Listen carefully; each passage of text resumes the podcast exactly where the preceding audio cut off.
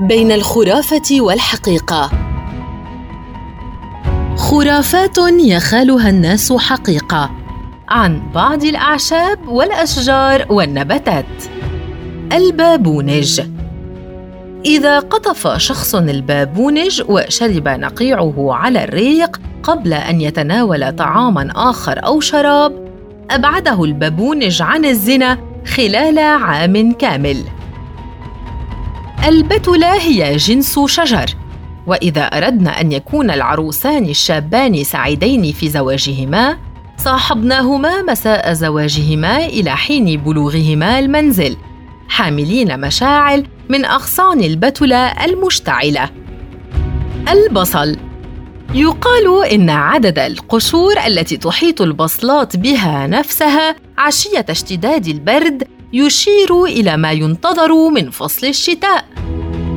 فالبصلة لم تخطئ يوما في تنبؤ أحوال الطقس.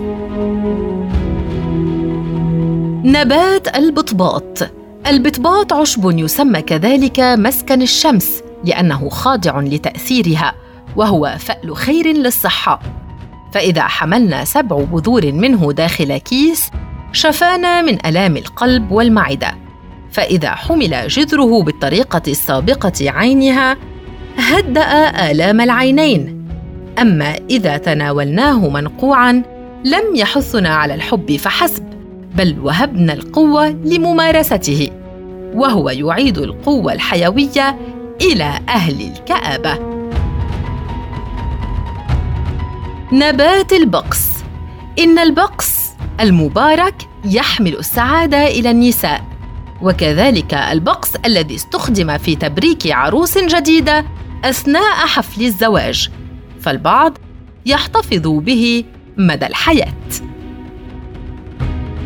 البندق تضرب البقرة في النورماندي ثلاث ضربات بعصا شجرة البندق لتعطي مزيداً من الحليب. وتلقى ثمار البندق في طريق العروسين ليكون الزواج مثمرا. وإذا رغب الخطيبان في إنجاب أطفال طلبا أن تقدم إليهما تحلية محتوية على البندق في وجبة حفلة الزواج. بنطله هي عشبة خماسية الأوراق وهي تحمل الحظ وتشفي أيضا بحسب المعتقدات والخرافات القديمة من بعض الأمراض. فإذا مزجت عصارته بماء المطر يساعد على تحمل آلام المعدة ويقضي عليها. أما عصارة البنطله النقية فهي تهدئ الألم إذا وضعت نقطة منها على سن مريض. وإذا حمل الإنسان ثلاث غرائس من البنطلة في كيس مصنوع من النسيج الخام منحته القدرة على الظفر بما يلتمسه من أحد ذوي المقامات الرفيعة. ويعد هذا الحجاب ممتازا في علاج الذاكرة. فهو يعيد إليها النشاط والحيوية. وإذا مزجت البنطله بالصعتر والمردكوش وعصارة المخلدة كانت طعما شديد الجوده في الصيد بواسطة القفة التي توضع في النهر. البنفسج. من شاء وقاية نفسه من الحمى لسنة كاملة كان عليه أن يأكل أول زهرة بنفسج يجدها في طريقه في فصل الربيع.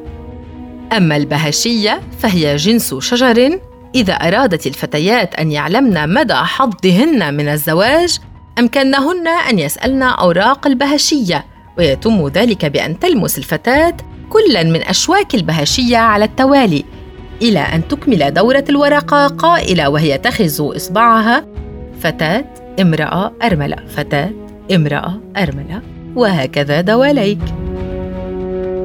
كانت هذه بعض الخرافات والمعتقدات المتعلقة ببعض النبات والأشجار التي يخالها الناس على أنها حقيقة.